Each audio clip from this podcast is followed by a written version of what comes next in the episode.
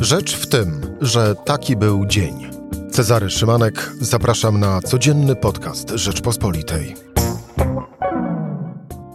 Środa, dziewiąty dzień czerwca. 52% obywateli Niemiec i 62% obywateli Francji uważa, iż Unia Europejska, cytuję, nie działa. A Polacy? Tak myśli 33%. To wyniki badania przeprowadzonego w 12 krajach wspólnoty przez European Council on Foreign Relations. Czy jest się czego bać? O tym w rozmowie z Jędrzejem Bieleckim. Rzecz w tym, że zapraszam Cezary Szymanek. Słuchaj na stronie podcasty.rp.pl. Włącz Rzecz w tym w serwisie streamingowym.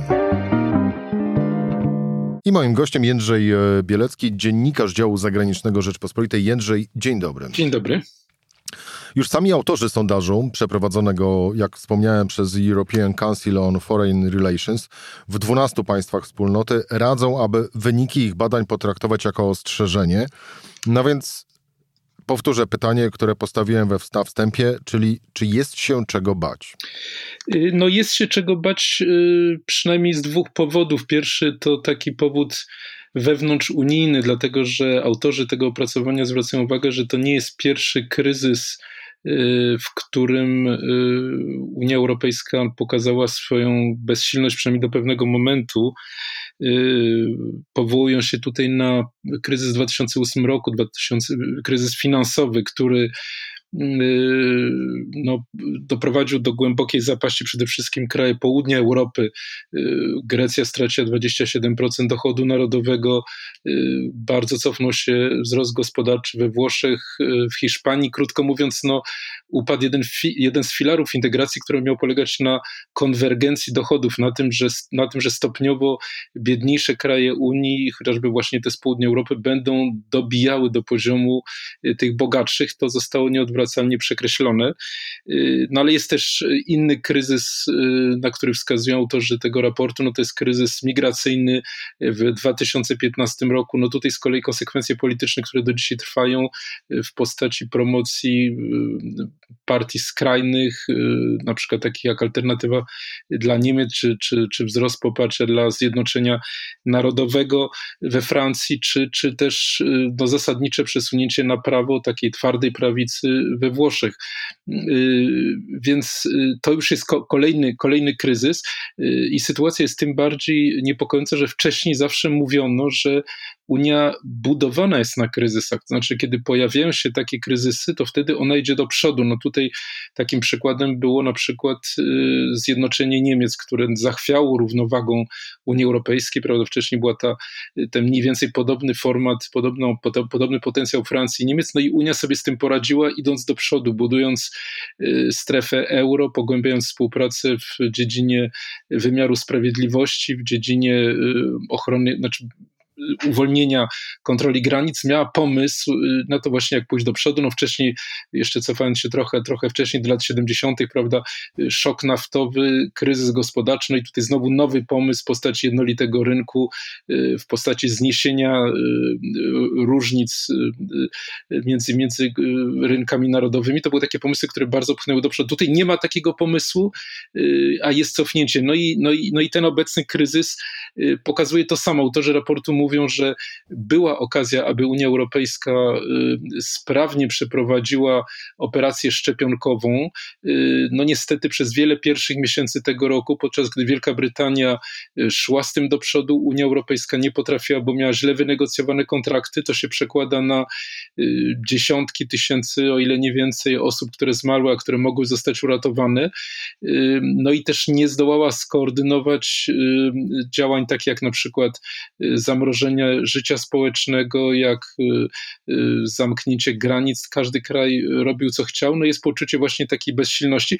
Szczególnie mocne powiedziałbym w Niemczech, dlatego że Niemcy y, odnoszą wrażenie, że gdyby poszły własną drogą, no to by, tak jak Wielka Brytania, wynegocjowały lepiej te kontrakty. No i stąd, kiedy w tej ankiecie zadaje się pytanie Niemcom, czy w następnym etapie, czyli w tej odbudowie gospodarczej po, po pandemii, liczą na unijną bank centralny i inne kraje Unii Europejskiej, no to tylko 14% z nich mówi tak, liczymy, że, że, że Unia i kraje członkowskie nam pomogą, aż 59% mówi, że nie, że Republika Federalna y, będzie musiała liczyć tylko na siebie. No i to oczywiście y, będzie determinowało przyszłość Unii, to znaczy kiedy powstaną kolejne pytania. Mhm. Jędrzej, i tutaj tak. E, jak zaczynasz już mówić o przyszłości, postawmy na chwilę kropkę, bo do przyszłości, e, czyli e, wniosków płynących z tych pytań i odpowiedzi również Europejczyków na, na przyszłość za chwilę wrócimy. Pozostańmy jeszcze przy samym badaniu i przy tym tak naprawdę, co respondenci oceniali, bo oceniali przeszłość. Ja na przykład się z jedną rzeczą, o której mówiłeś, nie zgodzę, no bo jeżeli chodzi o kwestie, kwestie szczepionek, to raczej patrzyłbym na e, całą akcję e, szczepienia e, takiego jeszcze wyższego poziomu, czyli z poziomu globalnego, z którego wynika, że tak naprawdę Stany Zjednoczone i Unia Europejska, no to takie dwa miejsca, gdzie akcja szczepień została przeprowadzona dość dobrze w porównaniu do całej reszty, całej reszty świata. Ale wspomnę jeszcze o owych osobach, które uważają, że Unia nie działa, właściwie o krajach, gdzie ten odsetek jest powyżej 50%. To raz jeszcze Niemcy, Francja, Włosi, e, Hiszpanie oraz e, Austriacy. E, tam ten odsetek odpowiedzi był ponad 50%. Ja zastanawiam się, na ile, na ile te odpowiedzi, że nie działa, to rzeczy, jest rzeczywisty komentarz i ocena samej Unii Europejskiej jako takiej i działań Brukseli, a na ile jest to tak naprawdę ocena działań lokalnych rządów. Znaczy, jest osobne pytanie w tym sondażu dotyczące lokalnych rządów i, i, i ta ocena jest równie krytyczna. Y, tylko y, sensem takiego sondażu jest y, odczucie ludzi, a nie obiektywna prawda, bo to nie jest analiza naukowa tego, jak sprawnie no jak Unia... Każdy sondaż, to prawda. To pra... I, I dlaczego to ma wartość? No dlatego, że mówimy o krajach demokratycznych i ci sami ludzie, którzy w ten sposób oceniają Unię, pójdą do, do, do wyborów i staną przed wyborem między partiami proeuropejskimi i antyeuropejskimi. I na tym polega waga tego sondażu. To znaczy, y, no jeżeli na przykład we Włoszech, gdyby doszło y, do przedterminowych wyborów w tej chwili bez żadnego problemu, przejmuje władzę y, koalicja partii twardej, żeby nie powiedzieć skrajnej prawicy, zdecydowanie eurosceptycznej, no to jest odzwierciedlenie tego, prawda? To znaczy, mimo że Włochy, przypomnijmy, są największym beneficjentem funduszu odbudowy, to jest 200 miliardów euro w ich przypadku w postaci darowizn i w postaci kredytów. Y, I też odnosząc się do, do, do, do Twojego komentarza, y, porównania na przykład z Japonią czy z Koreą Południową, z krajami rozwiniętymi, a już tym bardziej z, z krajami afrykańskimi, no oczywiście Unia sobie dobrze daje radę, ale znowu y, ludzie patrzą na to inaczej, no porównują z Wielką Brytanią i porównują też ten czas, który minął, kiedy tych szczepionek nie było i doniesienia mediów, szczególnie mocne na Zachodzie, dużo bardziej niż w Polsce, które były bardzo krytyczne wobec Unii Europejskiej. No, skala tej pandemii jest na tyle duża, że y, w zasadzie każdy z nas zna kogoś, kto zmarł na COVID. To nie jest jakaś abstrakcyjna sytuacja i, i, i, i, i tak gdyby ten, ta frustracja jest y, no, dosyć naturalna. I, I wreszcie też chciałbym zwrócić uwagę na kontekst międzynarodowy, dlatego że Unia no, nie działa w próżni i y, to był pewien test skuteczności, przed którym stanęły także Chiny, przed którym stanęły także Stany Zjednoczone. To są potencjalni, czy nawet bardzo konkretni rywale Unii Europejskiej i y, to, to, to, czy Unia zdała ten egzamin, czy nie, nie pozostanie bez konsekwencji, y, jeśli chodzi o rywalizację, prawda? Unia ma taką ambicję, żeby no nie być tylko y, polem, polem starcia chińskich i amerykańskich interesów, ale żeby również mieć na coś wpływ. No i teraz to odczucie no nie, nie, nie sprzyja, prawda, te, takiej roli. No tak, ale z drugiej strony również można iść dalej tym tropem i stwierdzić, że tak jak w Chinach i Stanach Zjednoczonych e, jest właściwie e, jedna polityka zdrowotna, tak w Unii Europejskiej takowej jednej polityki zdrowotnej nie ma, bo każdy kraj prowadzi ją na własną, e, na własną rękę, czyli znowuż przyczynek, mówiąc wprost, do dalszej integracji. Ale znaczy tutaj akurat właśnie... dla, dla, uczciwości, jak gdyby debaty, no trzeba też powiedzieć, że, że Komisja Europejska otrzymała te kompetencje. To była decyzja przede wszystkim kanclerz Niemiec i, i prezydenta Macrona, żeby podjąć te negocjacje, ale to wszystko trzeba powiedzieć, było podejmowane bardzo szybko i rzeczywiście Komisja Europejska takiego doświadczenia nie miała. Y, no, osoba, która była odpowiedzialna za negocjacje z koncernami, miała po drugiej stronie stołu bardzo doświadczonych y, y, przedstawicieli tego przemysłu farmaceutycznego. No to była osoba, która była wcześniej tłumaczem. To jest, to jest naturalne, bo, bo to się działo bardzo szybko i te kompetencje zostały bardzo szybko przekazane, no ale, ale były, prawda? Nie można powiedzieć, że ich nie było. Spójrzmy teraz w przyszłość, bo e, no właśnie, sami, raz jeszcze wrócę do tego e, pytania z początku, czy jest się czego bać. E, sami autorzy mówią, że jest to ostrzeżenie.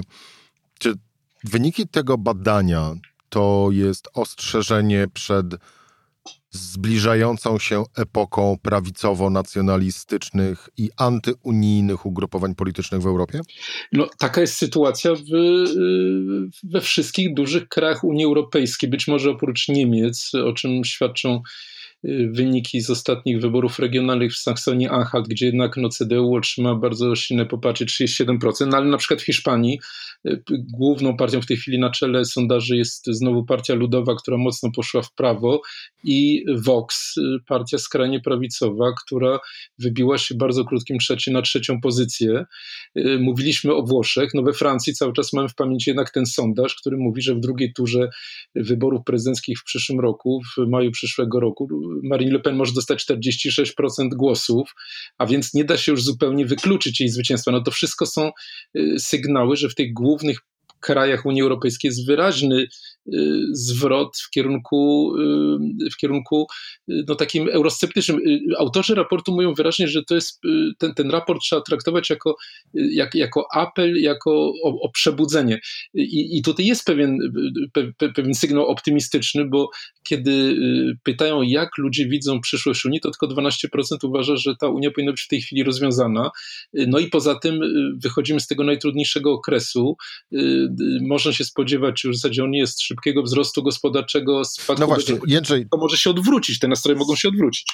Mówisz o przebudzeniu, czy takim budzikiem e, do przebudzenia e, pacjenta, pod, e, który nazywa się Unia Europejska, może okazać się fundusz odbudowy, czyli te krajowe plany odbudowy na, tworzone na bazie pieniędzy, na które tak naprawdę będą zrzucały się de facto wszystkie kraje Unii Europejskiej?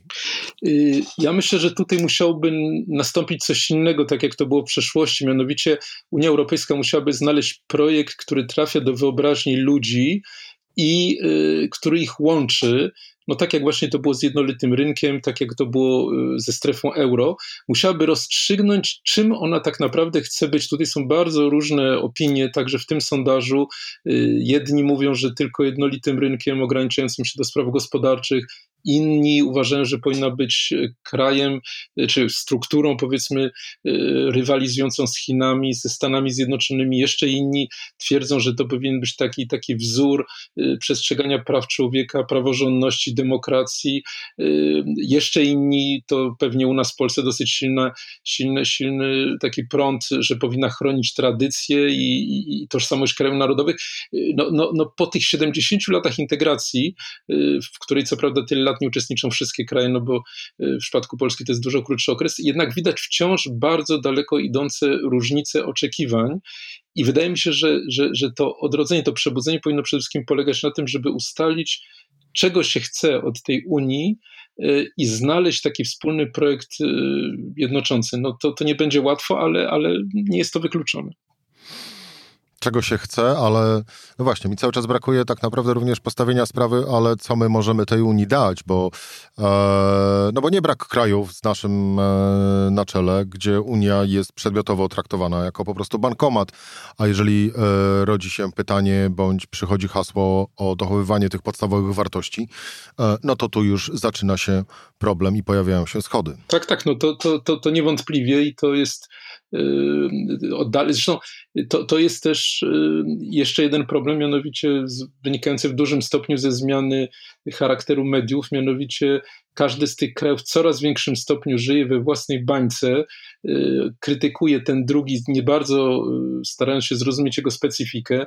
Jak wiemy dobrze, z powodu kondycji finansowej mediów w zasadzie zawód korespondenta zanikł, pozostaje internet i w dużym stopniu dosyć powierzchowne informacje, więc coraz bardziej te kraje się oddalają także rzeczywiście w kwestii wartości, w kwestii wzajemnej oceny, coraz częściej to są karykaturalne wizje, więc to też jest absolutnie się zgadzam, że to jest duże wyzwanie. Jest jakieś jedno remedium, Twoim zdaniem, na powstrzymanie y, tego pełzającego e, procesu? Moim zdaniem takim remedium to jest zagrożenie z, z zewnątrz, to znaczy jeżeli... Yy, yy, Czyli jednoczy nas wspólny wróg, tak, na przykład na Rosja przykład, lub Chiny. Yy, Chiny to jest może trochę abstrakcyjne, ale y, Rosja już dużo bardziej. Y, na przykład fala imigracji, na przykład jakieś agresywne działanie Turcji, no świadomość, że to jest malutka taka, taka wysepka dobrobytu, demokracji, praworządności, wysokiej jakości życia, osłon socjalnych, swobody podróżowania, to wszystko, co wydawało się oczywiste, a przecież każdy, kto przekroczy granice tej Unii, widzi, no w przypadku Warszawy to jest przecież 200 kilometrów stąd, Białoruś, y, widzi, jak wiele mamy do stracenia, więc wydaje mi się, że y, jakieś takie bardziej namacalne zagrożenie może zjednoczyć y, Europejczyków, bo właśnie uświadomić im, jak wiele mogą stracić, jeżeli znów będą podzieleni, no i, i wpadną w ten system, który ich otacza. Jędrzej Bielecki, dziennikarz działu zagranicznego Rzeczpospolitej. Jędrzej, dziękuję Ci bardzo za rozmowę. Dziękuję najmocniej. To była rzecz w tym e, w środę. Cezary Szymanek do usłyszenia jutro o tej samej porze.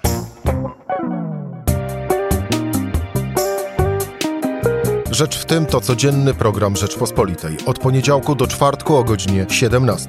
Słuchaj na stronie podcasty.rp.pl. Włącz Rzecz w tym w serwisie streamingowym.